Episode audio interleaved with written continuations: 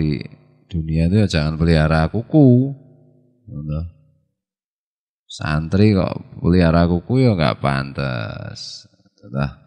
Santri itu nggak punya kuku, potong kukunya, nggak punya pot, alat potong kuku ya Pak. Pinjam gerajinya Ang Manu Masa nggak punya Jadi jangan pelihara kuku santri itu Bahaya kan udah berkali-kali saya jelaskan itu.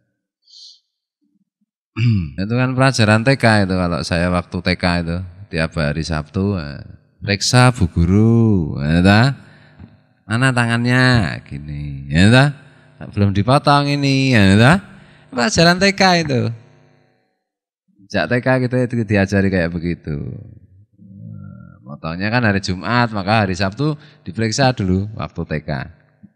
Setahu TK dong, Cah. diperiksa ngono kira mbiyen, ra gurumu.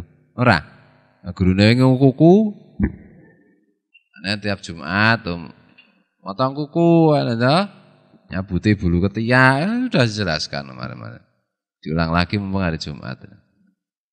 Anak-anak kita kita ajari hari Jumat potong kuku. Kelihatannya di TK masih ada nggak pelajaran kayak gitu? Dulu ada kan sunnah tuh.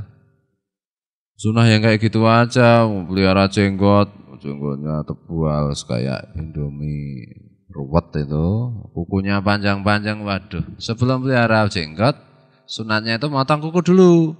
Terus nanti kukur-kukur gini, pakai kuku panjangnya. Malah, koi, kejiret, kalau dicopot. Modar ya toh.